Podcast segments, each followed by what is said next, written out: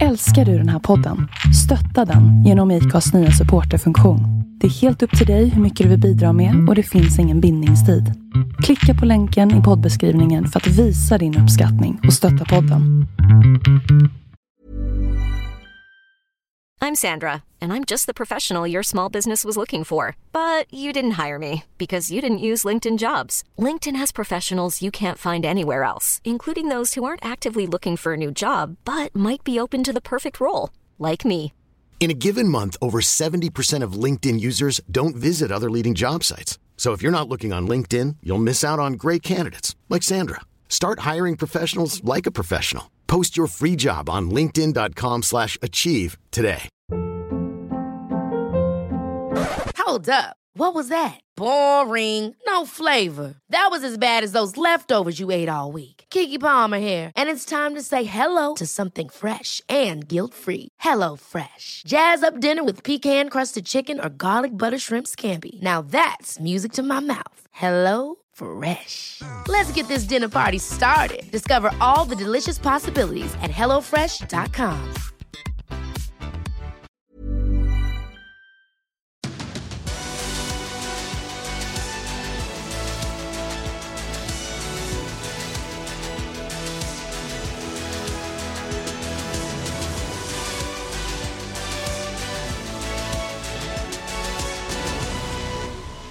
Välkomna till ett nytt avsnitt av MotoGP-podden med mig Andreas Mårtensson och med Tobias Leon.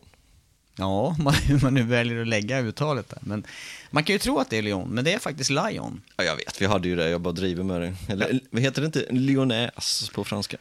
Jo, det gör det faktiskt. Och majonnäs också, på svenska. Fast vi brukar kalla det Kenny. Ja, vill du förklara det eller? Ja, jag tycker att det där var lite roligt, om det var du som tänkte på det eller om det var jag som tänkte på det. Men...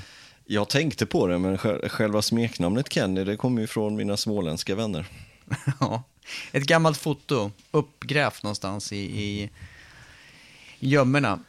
Som var ditt, eh, så vi kall, vad kallas det egentligen, profilfoto på ditt eh, säsongspass. Och dessutom Till in i säsongspass. Det var inte jag nöjd med. Det var inte jag nöjd med. In i MotoGP-depån. Ditt mediapass där och eh, grymt lik Kenny Bräck på det fotot. Men det är några år gammalt va? Ja, det där fotot eh, måste vara runt, eh, ja det är nog ungefär 20 år gammalt.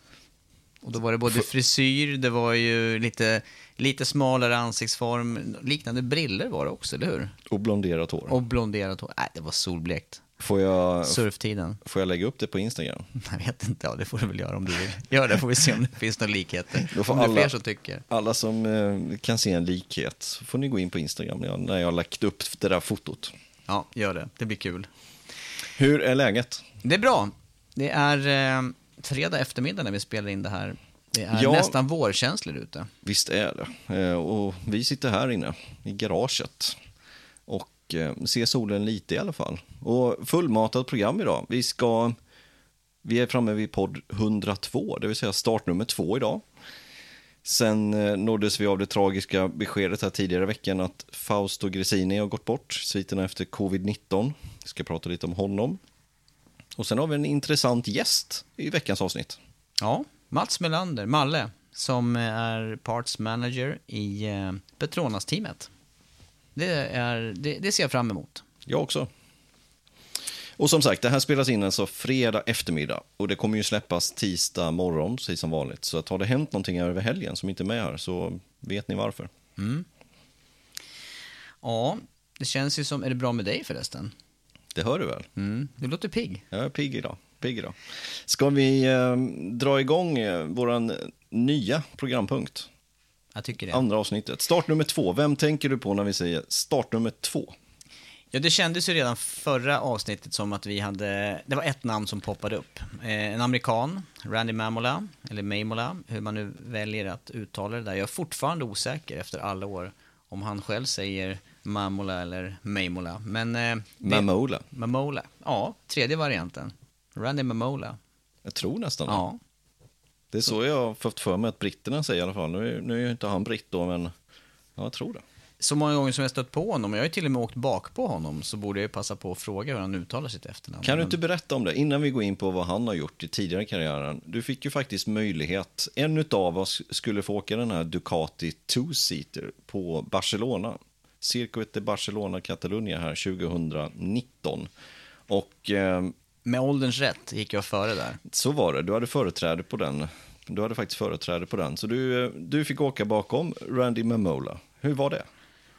Du, det var ju en, det vet ju du lite om där, för att du suckar ju och grymtade över att du fick jobba själv den där eftermiddagen. För det var ju, förarbetet var ju som att man skulle åka rymdresa, höll jag på att säga. Det var ju Du nästan skulle nästan varit med till mars här. Att, nästan. Ja. Det var kontroll av det ena och det andra, inklusive puls och blodtryck och allt möjligt. Och de sållade faktiskt ut en i vår lilla grupp där. Det var ju journalister från olika kanaler och tidningar som erbjöds möjligheten där. Och eh, de sållade ut en eh, person där som de menar på var för stressade upp i varv innan. Och jag vet inte riktigt hur jag låg till, men jag kände mig i alla fall utåt sett så känner jag mig rätt så lugn i det där. För att det där har ju han gjort mycket och han har ju bara kraschat vid något enda tillfälle. Så att på så vis kändes det lugnt. Men det var en lång förberedelse. Det var massa genomgångar hur man sitter på cykeln och hur man, eh, ja, hur man håller i sig framför allt. Håller emot, det var jag mest orolig för. Även de här handtagen som finns i eh, tanken, även om de var rejäla och vinklade i, ungefär som ett styre, så det är tajtare runt och man sitter lite högre upp där. Jag var lite orolig för bromsningarna faktiskt. Och så har man ju sett han gör sådana här stoppis, eh, bland annat. Då. Det, något annat var jag inte så orolig för. Eh, och sen där, ju mer det där närmade sig och ju, ju mer man väntade på sin tur där nere på start och mål, så, så klart att det blev pulshöjande och, och kändes spännande. Och när han väl drog iväg där, du, du vet ju hur de där starterna brukar vara. Det är ju nästan från stillastående, så det är bakhjulet i princip, hela rakan. Sätter ner cykeln där strax före bromsning och bromsar rätt hårt direkt in i första svängen där. Så är det där S-partiet, höger, vänster och sen kommer den här, det är ju, det är ju din favoritkurva har du ju sagt. Ja, det är det. Kurva 3. Och jag kände ju hur det där ställde ut. Alltså han sladdade ju med mig bakpå. Och, och min, mitt enda fokus var ju att försöka följa hans rörelse där. Jag gjorde ju ingen, man gör ju ingen insats så. Men den kändes ju skön och jag tänkte det här är helt otroligt. Han går på ställ genom det här med mig bakpå. Och sen kom de här bromsningarna då som jag egentligen var mest orolig för. Bakhjulsåkaren kändes lugnt, sladden kändes lugn. Och sen kom bromsningen upp i kurva 4 blir det? Ja, gick okej att hålla emot. Kurva 5 gick okej att hålla emot. Sen är det bakrakan där. Och den är ganska hård, den inbromsningen. Och där kände jag att nej, nu måste han släppa, nu måste han släppa bromsen. För då börjar min rumpa lätta från, från dynan bak där. Kramp i armarna och började klättra upp på hans rygg där. Och så släppte han då till slut och vek in. Och sen avslutade han ju med något liknande där när han kom ner i, eh, ja, bromsade till stopp. Där hade man ju velat åka ett fullvarv ut ur sista sväng och långa rakan. Men, men den där stoppen som han avslutade med, då var det också på vippen. Så jag kände att nej, jag, jag, jag kommer över hans axlar. Jag kommer volta runt framåt där. Flopp, men nej, jag höll mig kvar. Och sen var det klart. Ja, det är alltså bara ett varv egentligen. Man startar, man, man startar och stoppar på startplattan kan man säga. Ja, men eh, det som var mest imponerande... kanske? Ja. ja, det hade varit kul att känna hela accelerationen, alltså hela...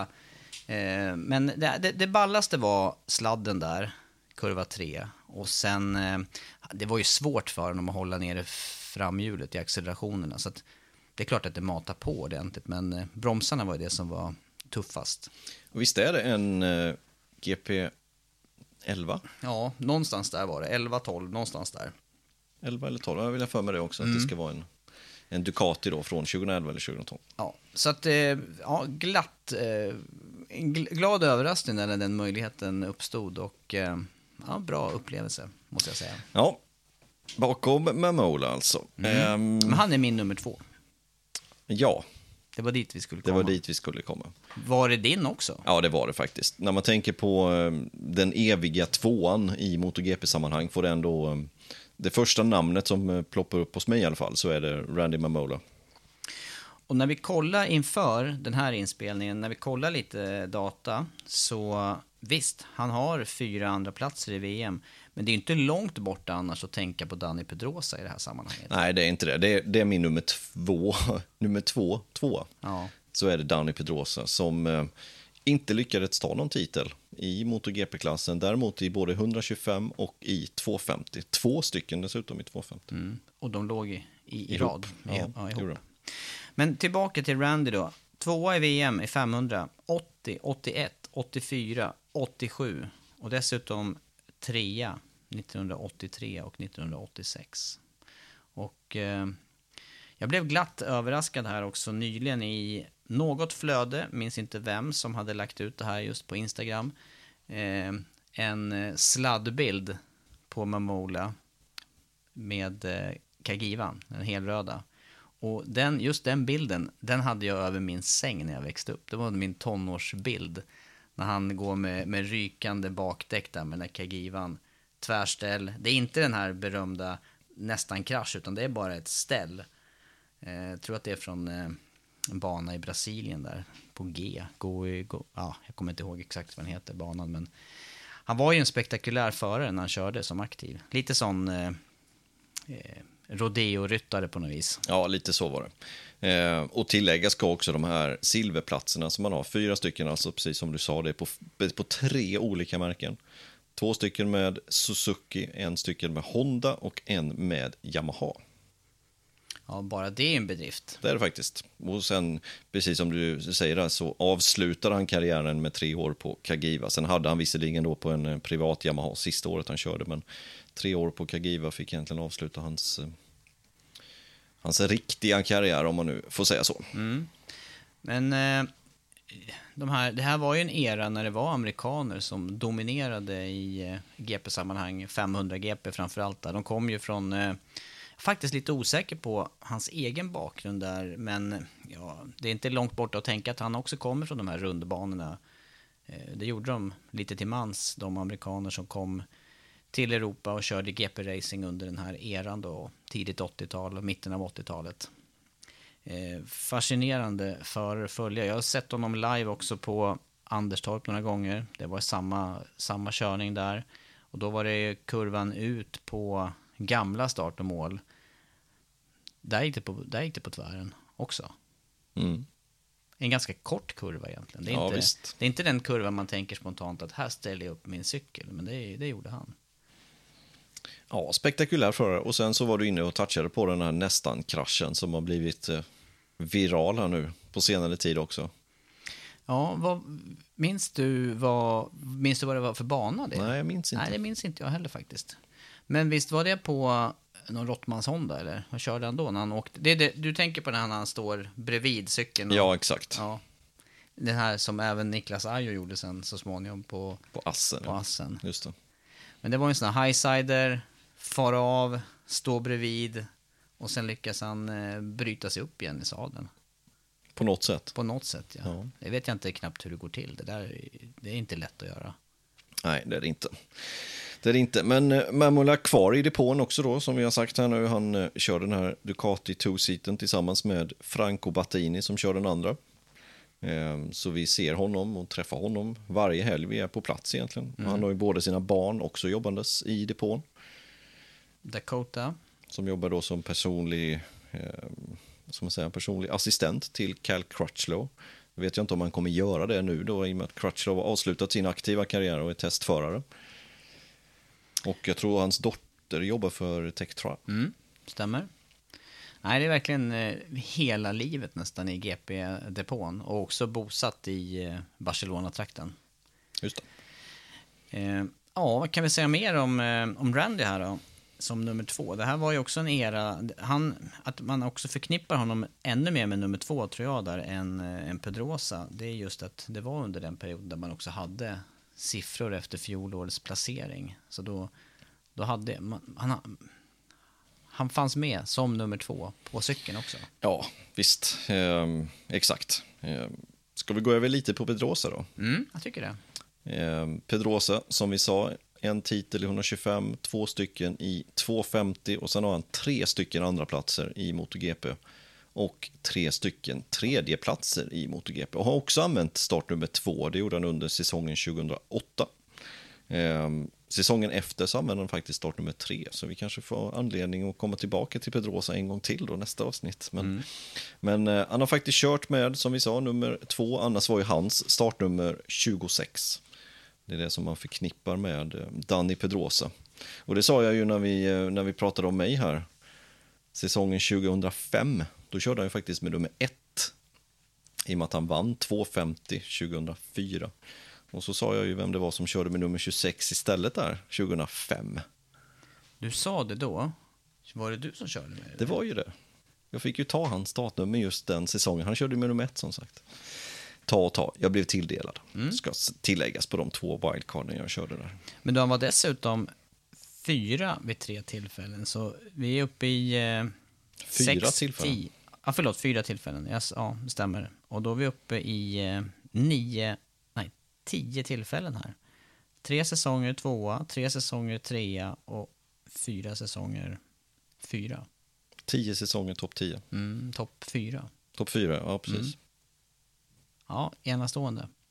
Men, men ändå så, så eh, är På det... tre- 13 säsonger. Ja. Och det gjorde ju... Eh, Randy gjorde också 13 säsonger här. 79 till 92. Ja, det är de namnen som eh, poppar upp för mig. Ja, för mig också. Har du själv kört med nummer två någon gång? Nej, det tror jag inte. Jag har inte kört med så många siffror. Jag tror att jag har hållit mig med de, de siffror som jag kan komma ihåg. Är alltså nummer eh, 10 och nummer 8 på mig. Men jag ser ju på något gammalt foto här från dig med, eh, det är i alla fall tvåor som skymtar förbi, men det är, väl, är det bara tvåan eller? Nej, men det var, jag pekade på 26an där ifrån eh, Donington eh, i 250. Men jag har faktiskt kört med nummer två. Och det gjorde jag samma säsong faktiskt som det där kortet är taget när jag körde EM. Eh, när jag tog EM-brons det året så fick jag tilldelat nummer två. Eh, 21 när jag kom ner till Vallelunga. Det här var lite, 2005 var lite före, du vet, man kunde boka startnummer på internet. Det var inte riktigt, det var inte riktigt kommet då. Ehm, så jag hade ansökt om nummer 21, pappersvägen som man skickade anmälan på den tiden. Detta är alltså bara 16 år sedan, men känns ju helt avlägset. Ehm, kom ner till Vallelunga och eh, fick inte 21. Utan fick något annat startnummer och, som jag inte ville ha alls. Utan eh, då tyckte jag att jag har ju redan två på hojen, så varför inte bara rycka väck ettan? För ettan var nog inte aktuellt, för den hade ju Alvaro Molina. Ehm, så då gick jag, jag kommer inte ihåg vem det var som var tvåa säsongen innan, men jag gick till den som skulle haft det. Eh, Och han ville inte ha det, så då tog jag det. Ja, spännande. Det var ju Så då körde jag med nummer historia. två Ja. den säsongen, 2005. Och det blev ju min egentligen bästa internationella säsong i och med att det blev tre EM den säsongen. Men sen körde jag ju två GPn och då var det 26. Så att det är mycket Pedrosa tvåkoppling här känner jag. Mm. Men du, hade du, eh, ja, det där var vi faktiskt inne på under förra podden där, om du hade kunnat välja. Du hade ju valt ett, det, det var vi inne på. Eh, Men eh, två är väl bra också? Två var ju bra ja. Ja. Mm. ja det var start nummer två va? Ja, jag tycker att vi har... Har vi eh, några andra som har, som har haft nummer två då? Om vi tittar bakåt och historien. Vi, vi kan ju ta Kenny Roberts Jr. när han vann eh, 500 år 2000. Han hade ju faktiskt start nummer två. Året efter hade han ju start nummer ett i och med att han vann det året. Vi har eh, Wayne Gardner som hade start nummer två när han vann 1987. Även Lawson när han vann 86 hade start nummer två. Och Rainey första året han vann titeln 1990 hade också start nummer två. Så att det är just den här eran när man, eh, precis som du säger, blev tilldelad sitt nummer efter föregående års mästerskapsplacering. Så att det är några stycken ändå som har lyckats med det. Ja, och då var de ju inte så... Det är inte, det är inte så stort hopp där. Jagar sin första titel eller sin, ja, någon upprepning där och så ligger man redan högt i fjolårets sammandrag. Men inte lika vanligt eh, idag alltså. Nej, Ja, Andreas. det är om det. Det är om det. Ska vi gå in på lite mer dystra Ja. nyheter? Vi måste ju göra det här. Det här med eh, Fausto Gresini då. Teamchef för Gresini-teamet och teamägare och han eh, eh klarar alltså inte eh, kampen mot covid-19 här. Det har ju varit en lång sjukhusvistelse först och eh, nu, nu var det färdigt helt enkelt. Ja, Eh, det nåddes vi av. Måndag kväll kom första ryktena som sen dementerades och sen blev det då officiellt av teamet på eh, tisdag lunch ungefär. Och eh, där eh, man måste egentligen ställa sig lite frågande till media. Eh, varför man går ut med ett sånt besked måndag kväll. Många etablerade motorcykelmedier hakade på. Eh, och sen så gick hans son ut och dementerade. Sen eh, blev det visserligen då bekräftas på tisdagen, men ett sånt här besked tycker jag ska komma från teamet eller familjen innan man spinner vidare på det. Ja, det tycker jag med. Det, var, det blev väldigt märkligt att Jättemärkligt. läsa de här både eh, nyheterna då och även eh, när man gick in och dementerade det man har skrivit innan. Ja, jättekonstigt. Och jag läste det först tidigt och alla hakade på och eh, jag valde faktiskt att inte retweeta det. Jag la inte ut någonting på det. För jag tycker att innan det kommer från teamet eller familjen, då går man inte ut med sånt här. Eh, och det tycker jag de etablerade motorcykelmedierna ska ta till sig. För det var rätt många, faktiskt. Etablerade dessutom. Som sen fick dra tillbaka sina artiklar och sen publicera dem på nytt då tisdag eftermiddag istället. Så att, nej, inte bra.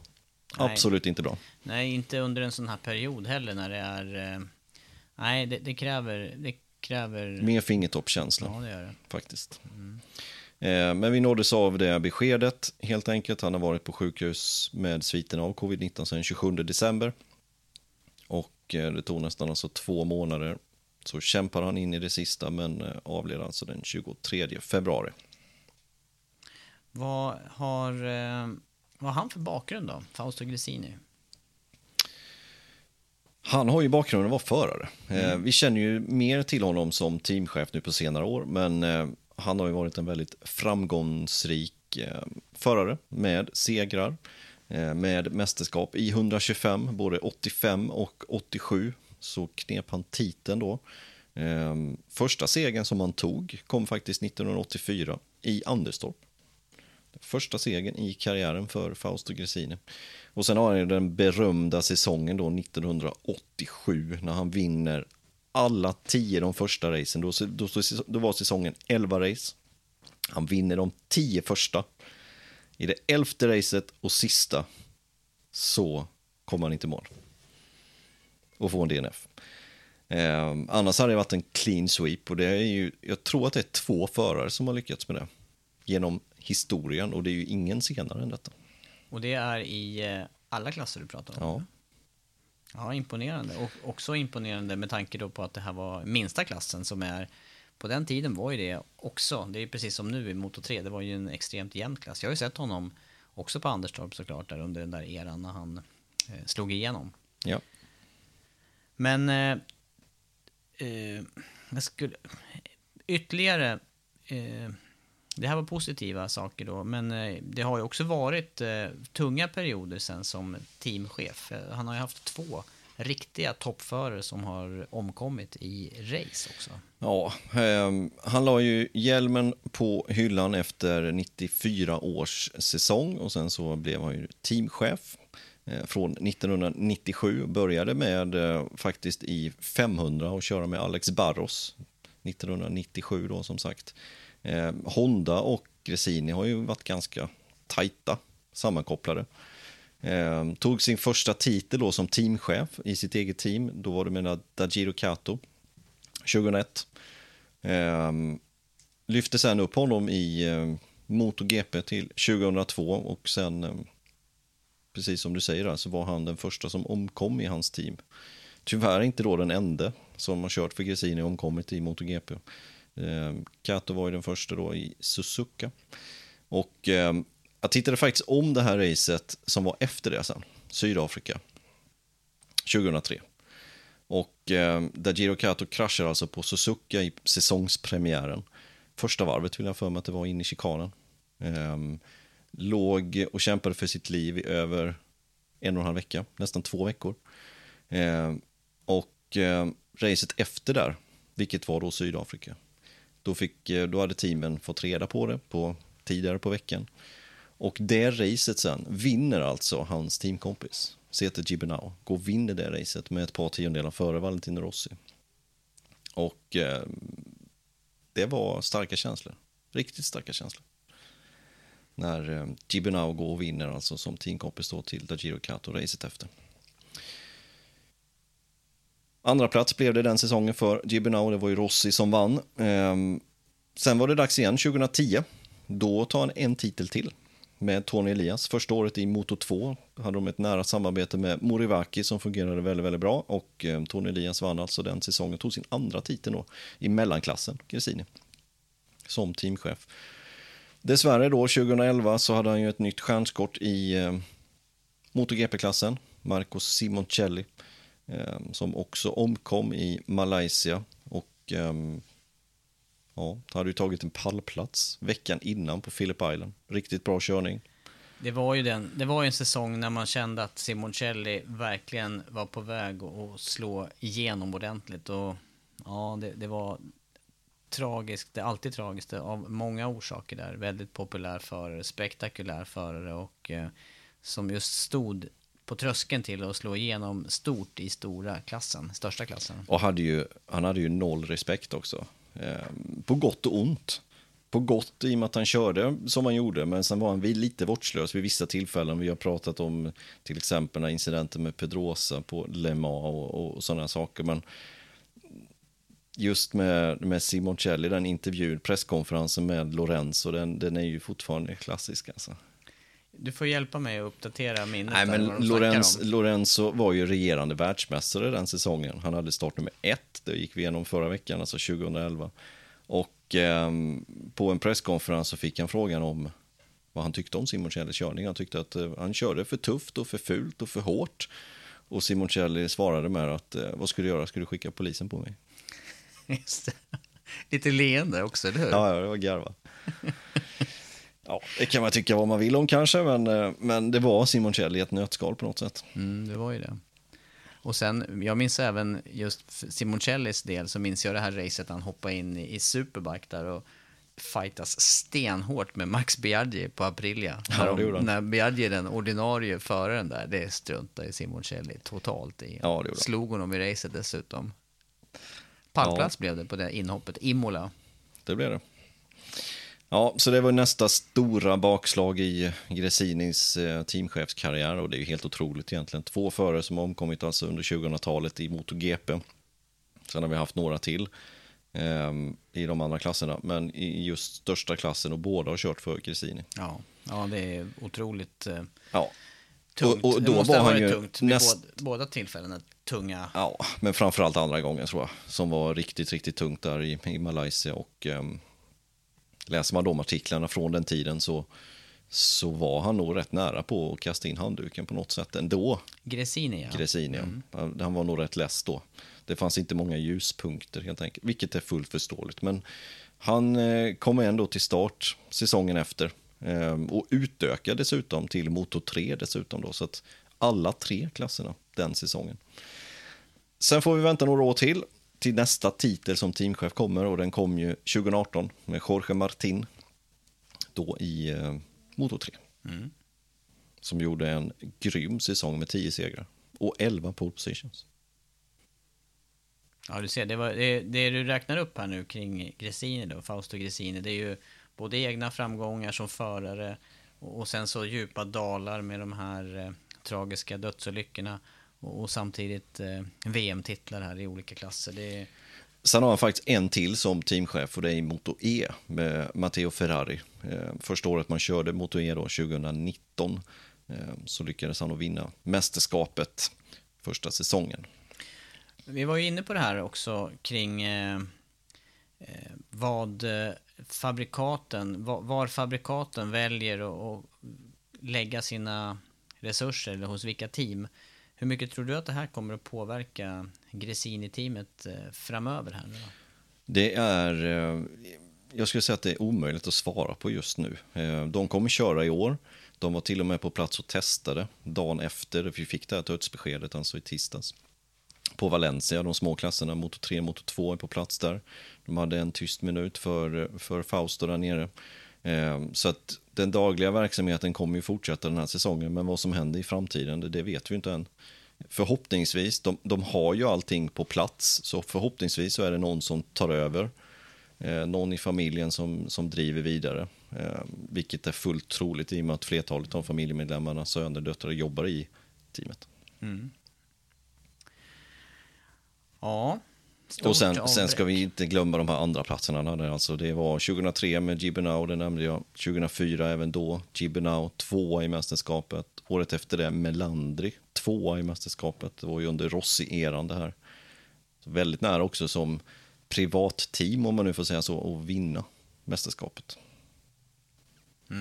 Och, och scrollar man bara igenom vilka namn som har kört för honom. Vi kan ju hålla på här, podden nu tänkte jag säga. Men bara några namn. Eh, Barros, Capirossi, Cato, Alzamora, Rolfo, Gibinau, Kionari, Melandri, Tony Elias, Alex De Angelis. Ja, Simoncelli, Aoyama, Pirro, Bautista. Ja, och sen alla på nutid om man säger så då med Morbidelli bland annat, Baldassari, Antonelli, Redding. Ja, det är, det är snart... Det är många förare, många, många, många förare. Och i år då så har han fortsatt samarbete med Aprilia. Eller teamet har fortsatt samarbete med Aprilia med eh, Savadori och eh, Espargaro, Alicia Espargaro på Aprilia. Bradley Smith, där vet vi ju inte riktigt vad som händer. Om det blir någon förlängning eller inte. Ehm, Alcoba, Rodrigo i Moto 3 och eh, Antonio och Bulega i Moto 2. Ja, det blir många förare också med tanke på att det är tre klasser som är representerade och ibland också då är det även Moto E eh, också. Moto E. Det är ju, det är ju Gresini och Petronas som är eh, representerade i alla fyra klasser. Ja, tungt besked alltså. Såklart för familj, för team och... Eh, mm. Ska vi lyfta, lyfta till eh, något annat ämne istället? Det gör vi. du?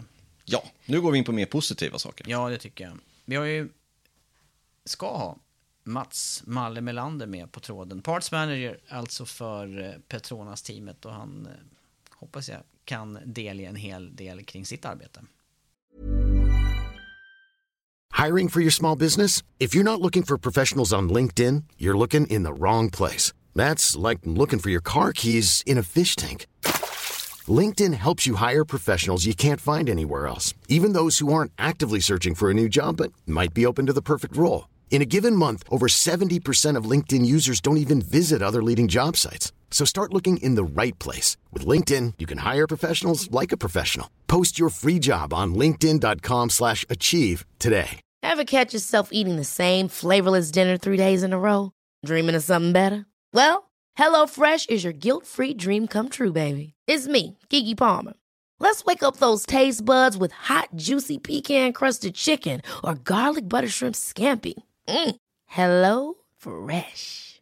Stop dreaming of all the delicious possibilities and dig in at HelloFresh.com. Let's get this dinner party started. Hey there, it's Michelle Norris. I'm host of a podcast called Your Mama's Kitchen. When I travel, I'm usually looking for a way to find a taste of home when I'm not at home. And one of the things I love to do when I am at home is entertain. And Airbnb allows me to do that. When I was in California recently, I rented a house that had a great kitchen. And when we were sitting around the table, we we're all thinking, we're in someone else's house. Someone could be in all of our homes as well. If you have a home, but you're not always at home, you have an Airbnb. Your home might be worth more than you think. Find out how much at airbnb.com/slash host. Välkommen till podden Malle, eller Mats Melander, Parts Manager i Petronas-teamet. Hej! Hej, hej. Tackar. Hur är läget Kul med dig? med. Ja, hur är läget med dig? Nej, det var bara bra. Jag har varit och gjort en liten till sån här PSRT när man ska vidare iväg igen. Så. Hur lång tid är det kvar innan du ska iväg till eh, första testerna nu då? Eh, söndag åker vi ner till Qatar och sen eh, bygger vi upp där. Måndag, tisdag, onsdag. Ja, ett par dagar bort alltså. Och eh, Då har det varit ett litet vinteruppehåll antar jag för din del. Har det hänt något speciellt under vintern för dig? Ja, både ja och nej. Eh, Jag var i Belgien för eh, cirka en och en halv vecka sedan och packade och såg till att alla grejer åkte iväg på rätt sätt och att man har med sig det mesta. Och det såg väl bra ut. Det var inte så mycket som saknades som låg kvar på verkstaden. Så. Det är bra. Ska vi förtydliga det då, att Petronas-teamet, ni är alltså baserade och har eran eh, verkstad, eller vad man ska kalla det då, i Ja, vi Belgien? har en bas. Vi har en bas i Belgien med allt material som man efter säsongen är slut så åker man dit och lastar ur och kan skicka iväg trailers och sånt. Och lite urstädning och om dekalisering och sånt så har vi allting på ett ställe. Känns väldigt bra. Just det, och det, det är ingenting som ni är emellan racen egentligen i Belgien, utan eh, meka med Någon gång hojarna och sådär. ibland så blir det ju det också. Det beror ju lite på hur schemat ser ut helt enkelt. Men, eh, några gånger har jag varit där under säsong också och fixat till lite småprylar. Det är alltid någonting som behöver fixas så då kan det vara rätt skönt att åka ner där och göra det. Men du nämner det här också med testande av dig själv här, några PCR-test. Eh, Är det samma som eh, har varit under eh, fjolårssäsongen? Ja, Hur många man tester har behöver du gjort? då? göra en... eh, oj. Det är över 30 eh, lätt. Ja. Eh, jag, jag slutar räkna. Liksom. Man måste göra det innan man flyger iväg. Eh, och så nu speciellt nu till Qatar så har vi jag precis var och skrev ut ett speciellt eh, välkomstbrev från myndigheterna i Qatar eh, som man måste ha för att komma in i landet överhuvudtaget. Och där blir det en ny PCR-test och sen blir man eh, körd i en speciell buss till hotellet och så blir man inlåst där i 24 timmar då. Och sen ska man få resultatet och förhoppningsvis är det negativt så ska man börja jobba ett par dagar senare. Liksom. Hmm, spännande. Och hur länge är planerad vistelse i Qatar för din del nu då? Eh, 6 april. Ja, det Så från söndag till 6 april så Det är från 28 februari med andra ord till eh, 6 Ja. april. Då, ja. Det är fem veckor någonting. Sex. typ Ja. kommer bli sandexpert. Mm, det kommer det bli. Men du, vem är du i bakgrunden här nu då, till att du nu sitter på rollen som parts manager i Petronas-teamet? Vad har du, vad har du gjort tidigare? Uh, min början in till racingen kan man väl ta så här var genom min bror. Han var ju den som hade lite talang i familjen och det här är i början på 80-talet. Svartvita övergående i färgtiden då. Eh, försökte själv åka lite motorcykel och det var man inte så bra på. Så inte som brorsan. Och sen har det blivit att man har meckat sig igenom och haft massa olika förare i Sverige och sen blev det internationellt ut och sen blev det lite VM och både som mekaniker och ta hand om grejer och så träffar man rätt folk. Och det här är ju i slutet på 90-talet då. Och då träffade jag rätt och då hamnade jag med VCM som var Red Bull Yamaha på den tiden, eller började där. Och därigenom har man ju lärt känna just Yamaha då, eh, inom den fabriken så att säga. Så, och sen var jag borta ett tag från eh, VM. Och, men jag höll alltid kontakten med folket inom Yamaha. Så när chansen dök upp så var det de som föreslog mig för Johan. Och Johan och jag känner ju också varandra sedan tidigare liksom, eftersom vi har känt varandra genom depån. Ungefär som jag känner er. Liksom. Det har ju varit så i depån. Så då tyckte Yamaha att det var trevligt att jag kom tillbaka då, och sen eh, tyckte väl Johan att det, det var väl okej. liksom. Ja, för du är ju en av få svenskar i depån. Vet du på rak arm hur många svenskar som jobbar i MotoGP-depån? Som jobbar rent med eh, team så är det väl bara jag och Niklas i KTM. Sen har vi ju de som är med Öhlins och lite sådana här runt och andra service-saker då, så att säga till teamen. Men eh, rent, ja det är nog bara jag och Niklas faktiskt från KTM. Och så är vi på plats emellanåt. Ja, förlåt, och Johan också då, chefen. Ja. Får inte glömma honom också. Nej, det, det är väl synd att glömma Stigefält i det här. Ja, men du, det här med... Eh, det, det, är, det är en lång eh, period som du nämner här då, och tillbaka till tvåtaktseran också då. Och vad säger du? Vad är de stora skillnaderna att jobba nu mot eh, när du jobbade förra vändan i VCM-teamet? Eh, tvåtakt, då var det ju mer skruva i garaget med eh, motorer och sånt också. Det är väl det största skillnaden. Nu har man, alla har en motorgrupp som tar hand om motorerna. Så är det någonting med dem som behöver liksom kollas upp så är det speciella motortekniker som tar hand om det. Då är det inte riktigt mekanikern som, du vet, som står och meckar med hojen uppe på en bänk. Utan då separerar man den och de kollar motor och så sätter man in en ny motor. Medan på tvåtaktstiden då var det ju ta isär allting och kolla och sen göra nytt och in med nya kolvar och vevaxlar och sånt. Och det gjorde man ju på plats i garaget så att säga. Sånt görs ju inte längre. Man eh, byter växellådor och sånt där, det gör man ju. Men själva motorgrejen så är det ju separerat. Det är väl största skillnaden tycker jag. Tillbaka lite där till när du jobbade för VSM. Vad hade ni för förare då? Då var det ju, vad jag kommer ihåg på rak arm, Gary McCoy, Simon Crafar. Vad var det mer för några? med Simon uh, Crafer och Redis Laconi och sen blev det Gary McCoy och så Noriyuki Haga och John Hopkins. Och sen hade vi Mark Willis som åkte för när Gary var skadad och sen Jean-Michel Bale var, åkte några race när någon annan var skadad och Alex Hoffman åkte några race. Fabrizio åkte med några race där va? 04, 05. Ja, då var det, då var det VCM. Då var det våran egen fyrtaktare. Och eh, VCM-förarna, när vi blev separerat från Red Bull så att säga, då började vi med lite eh, engelskt igen. Eh, och så hade vi Ralf Waldman. Eh, vilka förare hade vi? James Haydon. Eh, Chris Burns. Ralf var bara med oss i början, tyvärr. Han tyckte att fyrtakt var, var för stort och otympligt. Han ville åka tvåtakt. Eh, och sen, ja, jag har säkert glömt någon förare också. David de Gea. Många förare har blivit genom tiden. Ett gäng va? Ja, ett gäng. När la den satsningen ner? Var det till 05 eller 0, 06? 2000, 2005 så var det lite grejer som var på väg att hända, men tyvärr så hände inte det då. Sen hade ju tyvärr inte då Peter Clifford och Bob McLean, de hade inte de pengarna att kunna köra det själva ett år till. Vårt material började ju också bli väldigt gammalt liksom. Vi var tvungna att göra allting helt nytt igen. Så, så tyvärr så rann det ut i sanden och då blev det att då var man, blev man hemma igen istället.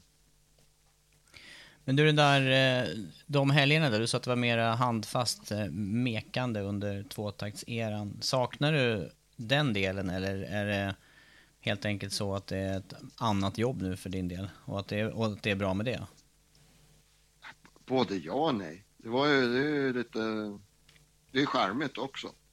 Men sen samtidigt så det var ju, det var ju mer lösa delar att hålla reda på tack vare det då. En, v, en V4 och sen hade jag allting till en sån. Det var ju hela motorcykeln in i trucken då, eller i flyglådorna. Nu slipper jag en viss del av det där och att tacka att motorgruppen tar hand om det. Men annars tycker jag det var nog, det var roligt också. För det var någonting vi snackade om innan här, Andreas och jag, just det här med, eh, alltså vi måste höra med Malle hur, eh, hur mycket grejer ni verkligen drar runt med det. Vad, om, man, om man tar exemplet med, med, med krascher, hur, eh, hur många krascher kan förarna göra under en helg och ni fortfarande har delar att täcka upp för? Och, och eh, om det är inte sådana där tråkiga krascher som vi hade eh, på Red Bull Ring då, då så jag skulle väl kunna klara att de kraschar varje träning under en hel helg liksom. Det går ju, men det beror ju lite på vad, vad det är som går åt också. Ja, Det exakt. är, lite jobb, det är lite jobbigt ibland om de bara kraschar på höger sida. Då blir det lite dåligt med styren och fotplatser. Kan de variera så och dra ner den på vänstersidan någon gång ibland också, då, Då har man ju lite mer grejer över.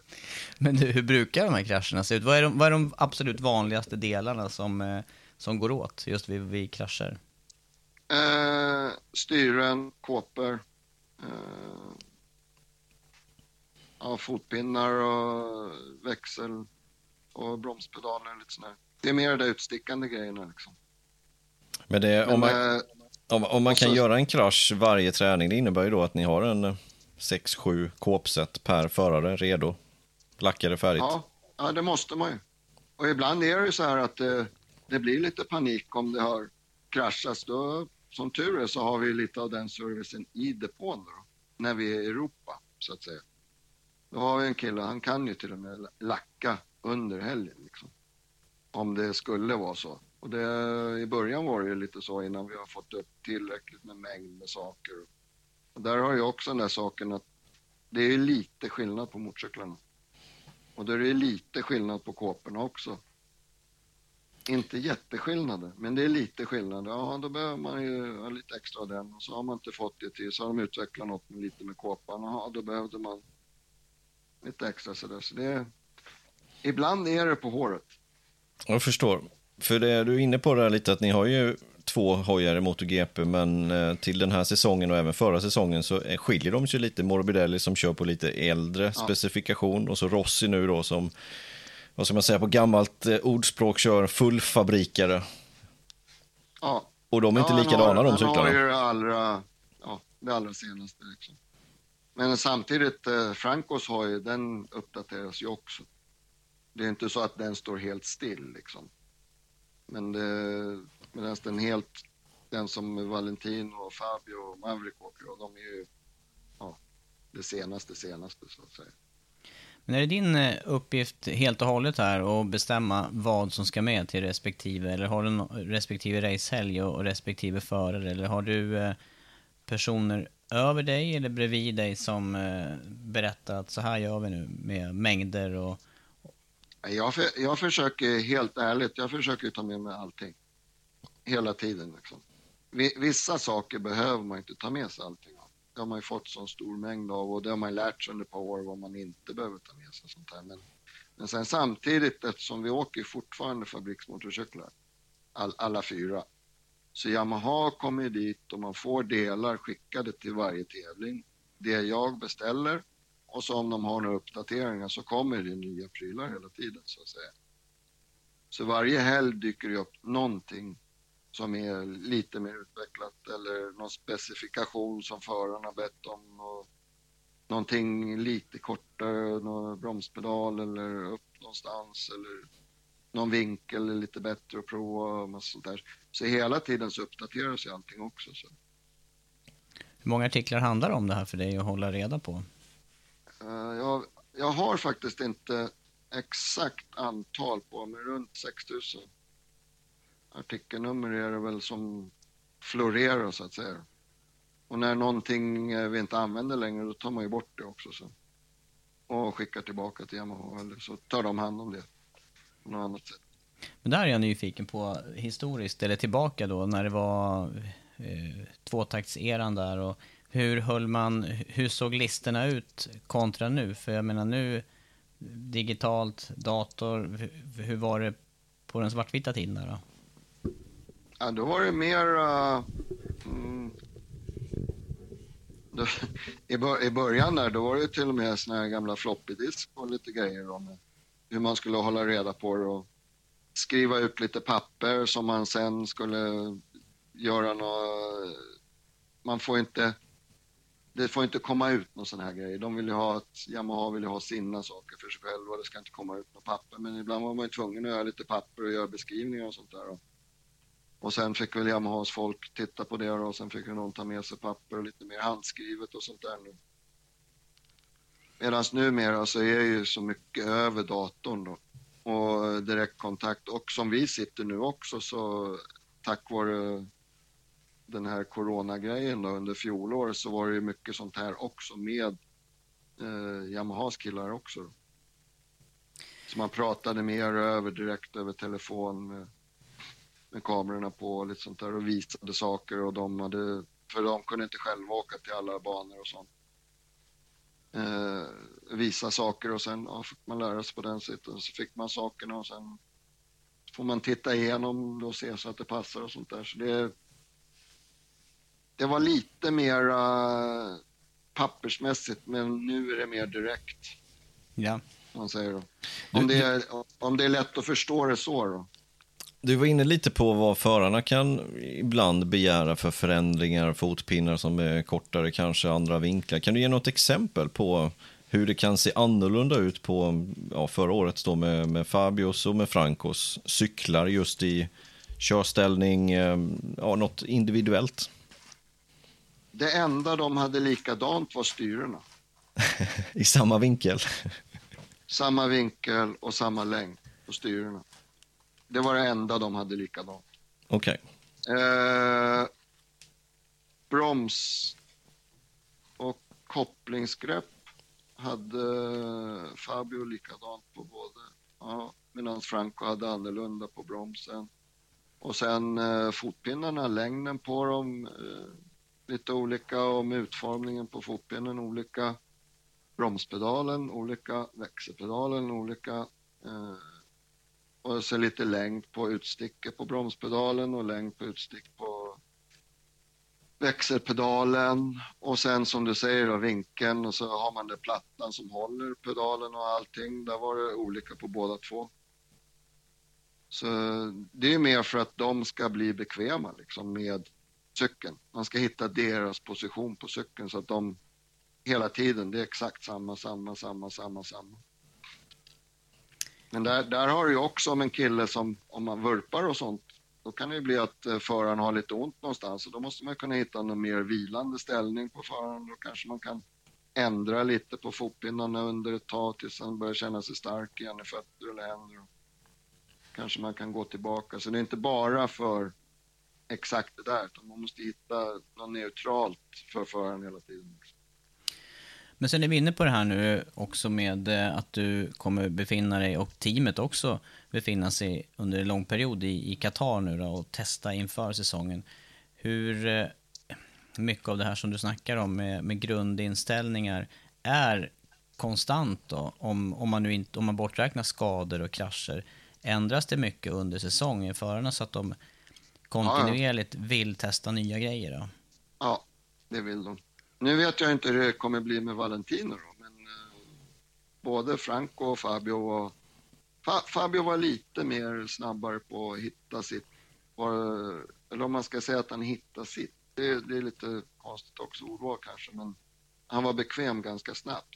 Men sen lite ändring, lite ja. ändring. Medan Franco, han, han söker hela tiden någon liten till, lite till där, lite till där. Och så gör vi till och med fila till grejer under helgerna liksom när man testar. Och provat och så, ja men det där känns bättre. Och så har man fått göra det lite snabbt. Till och med någon grej vi har fixat till så att japanerna har fått fräsa ut något nytt som kommer redan till nästa helg liksom. Bara för att prova. Är han bekväm med det då? Ja, men vad bra. Ja, då är det nästa steg liksom. Så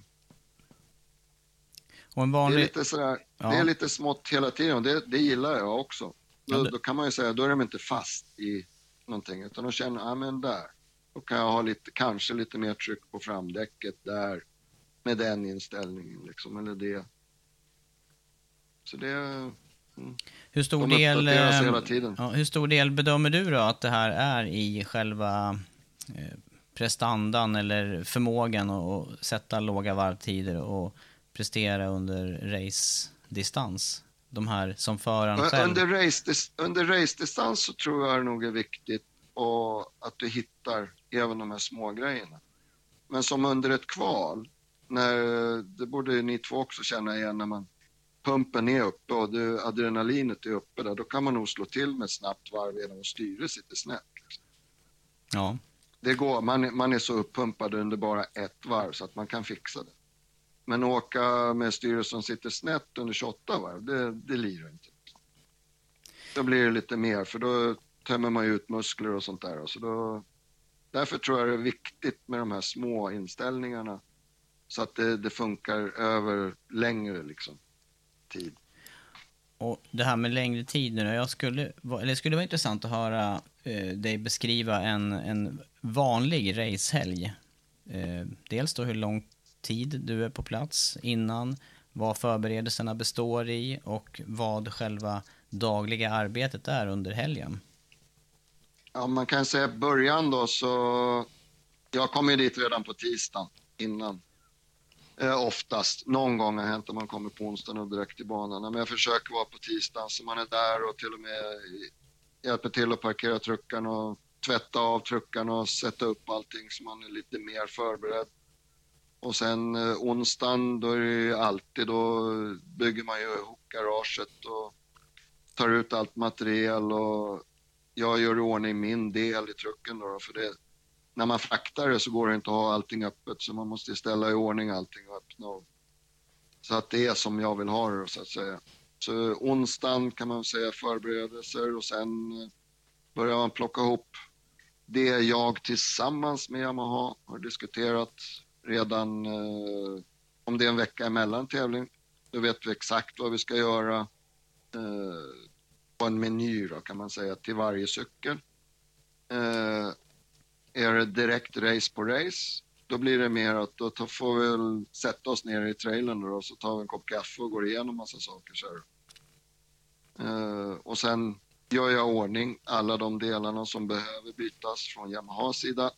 Och sen går jag igenom eh, delar som jag har enligt de här mil eller kilometerlängderna så att man bygger cykeln så att den är så frisk som möjligt under hela helgen.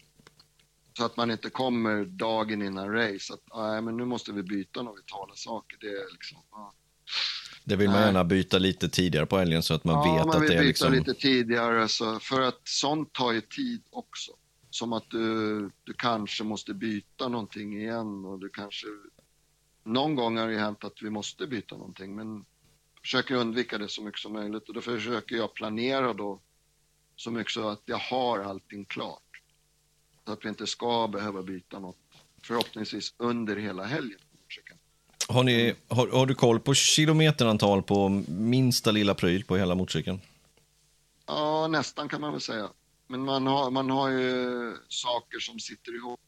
Men är det så att någonting av det börjar, ja, nu börjar det bli lite mycket kilometer på den här och då sitter det grejer ihop som jag också får från Yamaha. Eh, börjar den här nu bli lite för många mil på, då byter man ett antal grejer med den också. Då. Så då nollställer man vissa grejer och sen har man ju också lite så här att eh, försöker ha vissa grejer som man, till exempel gör som jag säger, racekit då.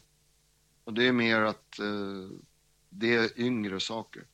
Man vet att man har använt det men det är lite yngre och inte har så mycket mil på sig så man inte alltid kastar på nytt heller. Så man vet att det verkligen funkar. Så för till och med en helt ny sak kan ju vara problem. Ja, exakt. Och det kanske man vill då prova lite innan på åtminstone lördagen kanske innan man har det till dig. Om det nu finns möjlighet. Men har du, ja. har du någon sån här... Helst fredag. Helst fredag. Just det. Har, har du någon ja. sån där pryl som du känner själv att det här är lite onödigt att byta den här, men den har gått 100 mil nu, så nu måste vi byta den här. Ja, så är det ganska ofta. Men det, de sakerna, det, de milantalen och sånt, det har jag fått av fabriken. Och det är något sånt som de håller på och testar och vill att man ska använda sig av. Liksom. Och sen händer det också under säsong att vissa saker så kan man höja kilometerna på och vissa saker är de lite oroliga för, då sänker man lite. Och inte då bara för bytare. Det kan vara att då får man en indikation på, ja nu kanske det börjar bli dags. Då tittar man på den lite mer noggrant även innan. Så det, det är lite ja, prat, mycket prat med Yamaha om vilken typ av del det är och hur man ska göra. Liksom. Hur rent praktiskt gör du där för att få reda på kilometerantalet? För förr i tiden, ja då fick du väl ta alla de här varvtiderna och så gånger med meterantalet ja, nu, på banan. Men nu är det ju lite har, elektronik har, på det. Ja, nu har jag redan, jag har redan gjort klart för allting i Qatar. Jag har redan gjort alla mina filer för det. Och, så då lägger jag bara in varven jag får från chefstekniken eller mekanikern. Och plus att jag får en uppdatering från Yamaha också. Och som man kan jämföra. Men går det att ge något exempel där på delar som vi snackar om här? Eller det Vad, vad byts särskilt ofta till exempel? Och oftast är det ju grejer som rör på sig då, om man säger så då, som eh, växellådan och sånt som man använder, som föraren använder hela tiden. Så som det blir som mekanikern kan ta ut och sånt där. Så mest är det ju enkelt, kedjor, eh, drev, eh, växellådsdrev, Eh, ja, till och, med, till och med bromspedaler och fotpinnar och sånt där, det byter jag också ut. Så, Hur, lång, hur långt går en kedja, cirka? eh, 40 mil. Är det väl? Och dimensioner på kedjorna, vad, vad använder ni för någonting? Eh, 520. Mm. Så det, då förstår ni med den kraften och de här hästarna de har, de här motorcyklarna, då, då går det inte att åka liksom. En lång semester direkt med kedjan. Nej. Kör ni de här Scott Oiler kedjesmörjning? Hette de inte så? De? Ja, vi har, vi, har, vi har provat lite, men äh, det läckte lite för mycket. Nej då. Har ni, har ni eh, specialkedjor eller har ni sådana kedjor som man kan köpa i butik? Nej, det, det är special. Ja. Och det, det, där är den där lilla, eh, alltid utveckling från racing. Eh, saker som vi kanske använde för fem år sedan, det är sånt som man kan köpa ute i handeln. Liksom. Och det där är mer, för vi, allting sånt där också som eh, vissa tillverkare vill att man skriver upp mil och sånt på, det vill de ha tillbaka för att analysera helt enkelt. Hur mycket de klarar och hur mycket påfrestningar det är. Så. Jag- kom faktiskt ihåg det där just med kedja. Det var därför jag pratade lite om det där. För att när jag körde 250 så var ju min mekaniker, han jobbade ju åt dig också, Micke Larsson, och kom över en kedja därifrån. Eh, Den kedjan körde jag hela säsongen med. Det, det var liksom absolut inga problem. Det, det var en annan kvalitet mot de man kunde köpa om man säger så. Ja, Och jag frågar om dimensionerna, för jag vill minnas att när vi körde Endurance, då tror jag vi åkte 530 eller något sånt där. Det är ju det som sitter Ja, ja. original Ja, på hojar exakt. För att det skulle hålla. Du vet, det blev några hundra mil på ett race. ja men det förstår man ju. Ja. Men du, jag, var, jag skulle bara vilja... Eh, går det att ge någon eh, prisangivelse eller någon cirka? Vad tror, vad tror du en sån här... Jag ville backa till det där med krascherna och så. Vad, vad, vad, ko- går det att räkna på vad krascherna kostar egentligen? Nej. Ibland ser det ju så dyrt Ja, men ut ty, ty, tyvärr går det inte att räkna på eftersom det är så mycket handgjort och exklusivt som är gjort för just de här motorcyklarna. Så det, det är ingenting eh, som görs i mängd. Och allting som man gör i mindre mängder så här, istället för massproduktion, det blir ju en dyrare. Så till exempel som en vanlig gatmotorcykel då, där de gör kanske, ja, vad kan man göra, 30 000 exemplar. Då blir det ju lite enklare att framställa saker. Men till de här motorcyklarna så kanske man gör, ja, ibland kanske 10 eller 20 eller då vet man att någonting funkar, då kanske man tar i 40. Då blir, då blir det ju, det blir en annan kostnad.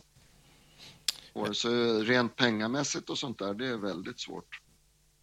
Ja, jag har en fråga där angående det som hände förra säsongen just. Du var inne på det lite med i Red Bull Ring där. Morbidellis eh, krasch när han körde ihop med Sarko. Och eh, den där cykeln såg ju inte på tv-bilderna såg inte den speciellt fin ut. Nu vet vi dock i efterhand att motorn kunde ni använda vidare under säsongen. Eh, var det någonting mer som var helt förutan motorn och hur är det ens möjligt att motorn kan vara hel efter en sån här krasch? Att, ta, tack vare att den inte slog i någonting. Uh, tyvärr då, frangaffeln och svinga och ram och det tog alla smällar med det där. Och så, men all, allting annat var ju, vi bytte allt. Det var en det var- helt ny hoj egentligen. Ja, ja, allt. Så jag kan ju säga så här, måndagen efter den där eh, så åkte jag och två av mekanikerna, vi åkte till banan. Och sen eh, tog vi, de tog isär det som gick att ta isär, för det var ju rätt mycket som var isär på grund av kraschen så att säga. Och sen eh, la de in det i trailern och sen eh, tog jag ut nya grejer och så la jag det i lådor och så byggde vi och eh, la ihop allting. Och byggde en helt ny motorcykel dagen efter. Och det var, ja, re, rent, jag, jag sparade inte en pryl. Allting bytte vi. Det, det är ingen idé liksom. Det, sen eh, plockade vi ihop allt, allt skrot så att säga då, som det blev av kraschen. Men det plockade jag ihop och sen separerade jag allting. Och så fick Yamahas tekniker ta det då. Eh, plus jag, jag hittade ju några Ducati-prylar och Ducati-killarna hittade ju lite Yamaha-prylar. Så... Hos varandra, i varandras hojar menar du? Ja, i varandras. De fick lite, så de kom med lite prylar till mig och så tog man en liten kopp kaffe och surrade lite och så gick jag med lite prylar till dem som inte jag kände igen. Så. Du hittade inget artikelnummer på dem helt enkelt som stämde Nej. med dina register? Jag, jag tog ett par foton. ja, exakt. Du skickade till Yamaha. Ja. ja. hur, gick snacket, Nej, hur, det... gick, hur gick snacket egentligen efter de där krascherna? För det var ju något av det mest eh, hårresande otäcka som, som jag någonsin har sett. Och, och, så mycket tur i de här krascherna, så att, eller i just den här kraschen som vi pratar om, Morbidelli och Sarko där. Hur gick snacket i teamet sen efteråt? Och hos Yamaha?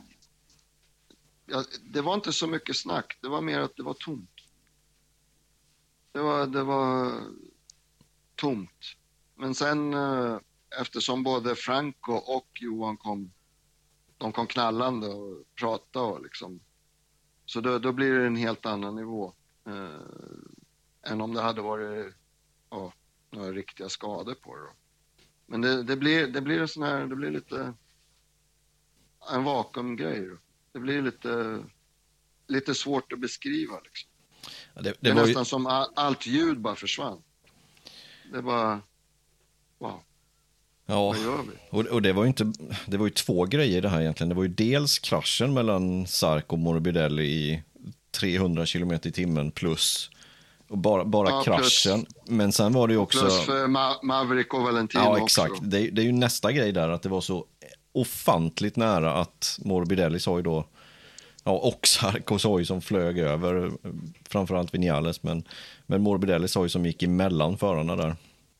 Mm. Det var ju flera steg där som gjorde den här så fruktansvärt dramatisk. Ja, det var, det var verkligen... Det var så, vi hade ju samma känsla i, i, i våra kommentatorshyttar. Alltså, vad, vad, säger man efter en sån där händelse? Det, det, var ju verkligen så många faktorer där som... Den gången stod ju planeterna och solarna rätt på alla sätt. Ja, ja. Helt klart. Helt klart. Men du, vad förväntar du dig av säsongen här nu då? Det är Rossi, som vi nämner här i sammanhanget, ska åka med Morbidelli hos er nu då. Och eh, olika material. Eh, vad... Eh, eh hur mycket direktkontakt har du med förarna under eh, helgerna och under säsongen? Eh, ibland är hon nere och fika varje dag och kommer in och surrar lite och pratar lite skit och lite så här allmänt. Och ibland är det, ser man ser man på dem. Det, det, är också någonting som man lär sig. Ibland ser man på föraren. Vi pratar lite senare liksom. Man ser på ansiktsuttrycken och hur de är så här. Men någonting som jag tror kommer väl, bli väldigt bra och intressant och kul, det är att de är kompisar. På riktigt. Och, men sen vet man ju inte det går, vem som spöar vem och hur det kommer bli lite senare. Det får man väl se då. Hur, känns det för eh, dig där på ett personligt plan? Du, du har ändå varit med, du var ju det på när Rossi slog igenom där slutet 90-talet. Sen har han kört MotoGP sen dess. Och nu ska han köra i era team. Hur, hur känns det för dig? Jag tror det är lite det är spännande liksom. Det är lite häftigt. Eftersom han, det, det är en väldigt speciell förare också. Så. Men sen samtidigt, att få in en kille som hållit på så länge. Och så det kommer bli intressant att se vad han gör till skillnad mot alla de unga som är på väg uppåt. Om han gör det på något speciellt sätt, om han ändrar på någonting eller han... Alla förare har sina sätt också speciellt liksom, men om han lägger upp sin, hur han vill göra liksom, i träning och sånt där. Det har man inte haft tid att titta på förut, eftersom man har ju varit i ett annat garage. Och det blir, när man är där, då, då är det ju bara fokus. Jag har ju bara fokus på mina två förare. Man märker ju knappt vad som händer liksom. Man får ju titta på tvn ibland och se vad de åker för tider. Så. Så det, det tror jag kommer bli mm, spännande och roligt. Liksom. Och eftersom Andreas frågar här på personligt plan, vad, vad är det som driver dig också då i ditt arbete här och det som gör det roligt och spännande att hålla på med det du gör? Få jobba med de snabbaste förarna i världen. Och med det bästa materialet som den fabriken man, som jag jobbar för, Yamaha nu då. Det bästa materialet de kan tillhandahålla. Och sen få se hur, ja, på nära håll liksom, vad utvecklingen gör. Allting det där och sen se till så att allting funkar. Det är, det är lite utmanande men också, det är väldigt svart och vitt också. Vissa helger är det woho, toppen, toppen och så vissa helger så är det ja, åt andra hållet. Förra året vann ni faktiskt sex race. Ja. Det är lite häftigt. Vi hade Riktigt 6-1 6-1 mot fabriken. Ja, det hade ni. Vinales stod en Ja. seger för fabriksteamet och Petrona stod tre per förare. Ja. Och eh, skulle man ha sagt det innan säsongen började, då hade ju folk, ja just tjena. Men det, Ja. ja. Nästa sak när vi ändå pratar lite om fabriksteamet här. Nu, nu byter ju Fabio och Valentino byter plats. Quattararo ska alltså bli teamkompis med Vinales. Du som känner Quattararo lite mer, hur tror du att det kommer fungera? Jag hoppas att han lärde sig någonting av eh, fjolåret eh, och gör det till något positivt. Det var, det var ju lite så som eh, Franco sa lite grann redan under 2019. När, eh, när vi liksom började och så märkte han att wow, Fabio var, han är väldigt snabb liksom. Och han gjorde det på rätt sätt. Han lärde sig av det och tog det till sig och så blev han snabbare. Jag hoppas att Fabio lärde sig någonting av fjolåret. Eh, att det kan gå väldigt bra, väldigt bra, väldigt bra och sen hamnar man i någon dipp och beroende på massa små saker som är runt omkring och så hamnar man i det där lite, börjar tänka och, och, och så kanske det går lite snett då. Som det tyvärr gjorde för honom, för hans del då. Jag hoppas att han har lärt sig någonting av det och att han ja, jag hoppas att han är snabbare än Maverick helt enkelt. Eftersom han har ju varit våran förare. Men sen hoppas jag att de inte är snabbare än mina förare. Nej, det är klart. Så det är lite, det är lite dubbla känslor där. Ja, det är vi, klart. väl, vi vill väl spöa fabriken igen då så att säga, men det kommer inte bli, kommer inte bli lätt liksom. Nej, nej, jag tänker på um, intrigerna mellan de två förarna. De har varit på ganska hög nivå även fast de har kört i varsitt team här förra året. Och nu ska de köra för samma team. Jag tänker på fortfarande då Maverick och Fabio. Det, det kan slå men sen- blixtar känns det som. Sen samtidigt när de är av banan så är det ingenting. Det, jag tror det är mycket av det där som är, när det är på den där adrenalinnivån och deras psyk och deras tänk när de är inför och sånt där, då, då kanske det kommer ut lite grodor i munnen och det kommer lite sånt där. Men sen samtidigt när de är mellan trailerserna så att säga och står och surrar, då är det liksom, ja, då står de och surrar normalt. Så må många gånger så tror jag att det blir massa sådana där saker som kanske flyger ut, kanske helt i onödan som inte har varit någonting. Liksom. Jag hoppas det funkar för dem helt enkelt också. Ja, det, det lär visa sig. Ehm, Ja, Förra årets stora snackis i Yamaha egentligen, det var ju problemet med ventilerna som uppdagades ganska tidigt ändå, även fast det tog ganska långt in på säsongen innan det väl kom fram vad problemet var. Hur, hur var det i din roll? Du, du måste ha känt till det här egentligen väldigt tidigt. Hur, hur upplevde du det? Uh, ärligt talat så upp, uh, fick jag inte reda på det så tidigt som ni tror. uh, heller. Vissa saker eftersom där, eftersom motorgruppen tar ju hand om prylarna. Och eh, jag hör inte så mycket av vad, vad de håller på med. Sen hur det, hur det blev med allting det där, det, jag tycker bara... Åh. Tråkigt liksom att det hände och hur det hände och allting sånt där. Och, men nu har ju de lärt sig av det också. Och förhoppningsvis har ju de fått till allting med det annars skulle jag vara väldigt förvånad. Liksom. Men det var mycket underhåll på Morbidellis cykel förstår man i efterhand för att få ut de där milen på mot, mot motorn. Ja, men där, där, där, ser man ju lite också hur, hur de här reglerna gör att man måste ha koll på bitarna. Liksom. Att man har ett visst antal motorer, du har och sen hur mycket hästar ska vi ha i den här? För jag antar att alla fabrikerna som håller på ute i MotoGP, de eh, har nog bromsat ner sina motorer för att få dem att hålla de här tävlingarna vi åker på en säsong. Liksom. Och hur mycket ska man dra ner hästarna för att få det att hålla? Och hur mycket vågar man liksom?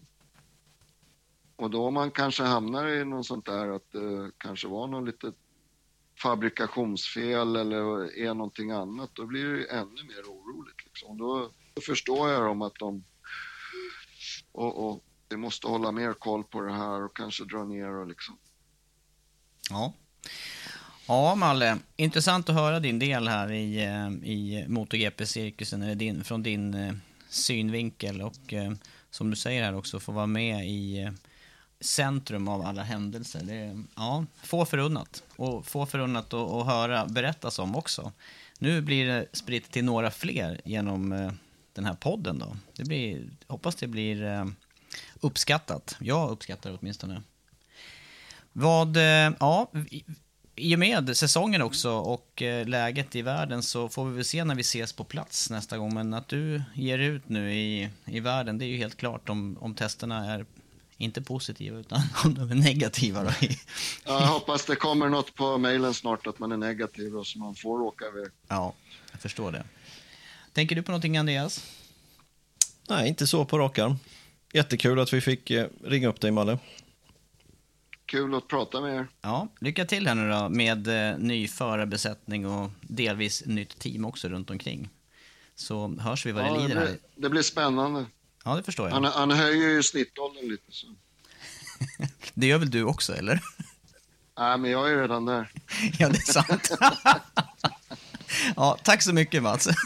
Ha det bra. Ja, ha det bra. Hej. Senare. Ja, det där var alltså Mats Malle Melander som eh, vi har pratat med och intressant samtal. Sitter och väntar på avresa alltså. Det är snudd på att han får begära dubbelt medborgarskap. Hur länge skulle han stanna i Qatar? Ja, det var i början på april. Det är ju två race och det är tester och alltihopa. Var det inte 6 april han sa här? Och eh, som sagt, det här eh, släpps ju då tisdag. Han har ju redan åkt iväg, åkt i söndags. Och eh, ja, det är lång tid. Mm, det är lång tid.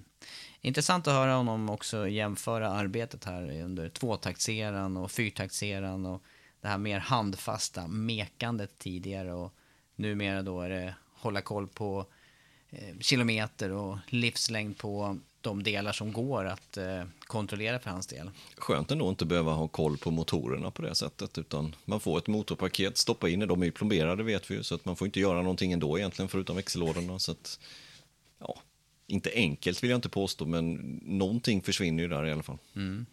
Fascinerande också att höra det här med eh, Morbidellis motor, att den faktiskt höll den här kraschen som, ja, det, det, var, det var just den som var kvar av cykeln. Och att man hittade Ducati-delar tillsammans med hans delar. Ja.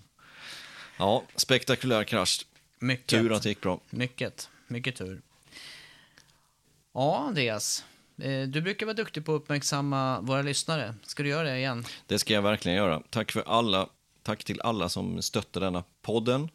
Utan er så hade vi inte kunnat göra de här intervjuerna och eh, hållit igång så pass bra som vi har gjort nu off-season. Nu är det snart dags alltså. Eh, nästa vecka, då har testerna dragit igång. Ja, och då vet vi mer om hur eh, statusen är. Det är inga stora förändringar som sker till i år, men jag är också spänd på att se här eh, lite längre fram på hur, hur Marcus kommer att ta sig tillbaka till eh, i sadeln. Ja, exakt. Nej, tack så mycket för alla som stöttar denna podden. Vill man stötta så gör man det via patreon.com snedstreck motorgp-podden eller via den här Acast support-funktionen. Ehm, ja, annars var det nog allt för eh, denna gången. Nästa vecka är vi tillbaka, då med start nummer tre och eh, en ny spännande gäst. Ska vi suga lite på det? Jag tycker vi gör det. Ja, ja vi det ses låter, nästa vecka. Det låter spännande. Vi ses nästa vecka. Tack för idag.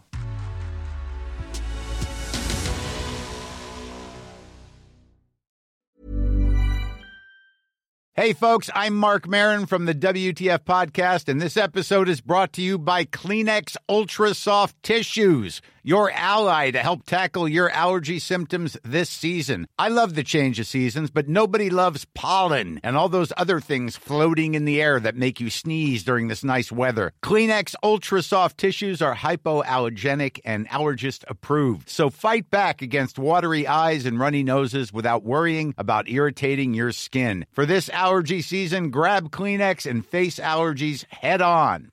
Ever catch yourself eating the same flavorless dinner three days in a row? Dreaming of something better? Well, HelloFresh is your guilt-free dream come true, baby. It's me, Kiki Palmer. Let's wake up those taste buds with hot, juicy pecan-crusted chicken or garlic butter shrimp scampi. Mm. Hello Fresh. Stop dreaming of all the delicious possibilities and dig in at HelloFresh.com. Let's get this dinner party started.